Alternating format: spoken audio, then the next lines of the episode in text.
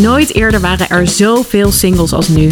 Sinds 1950 is het aantal alleenstaande huishoudens in Nederland vertienvoudigd. En de verwachting is dat in 2050 de helft van alle huishoudens alleenstaand is.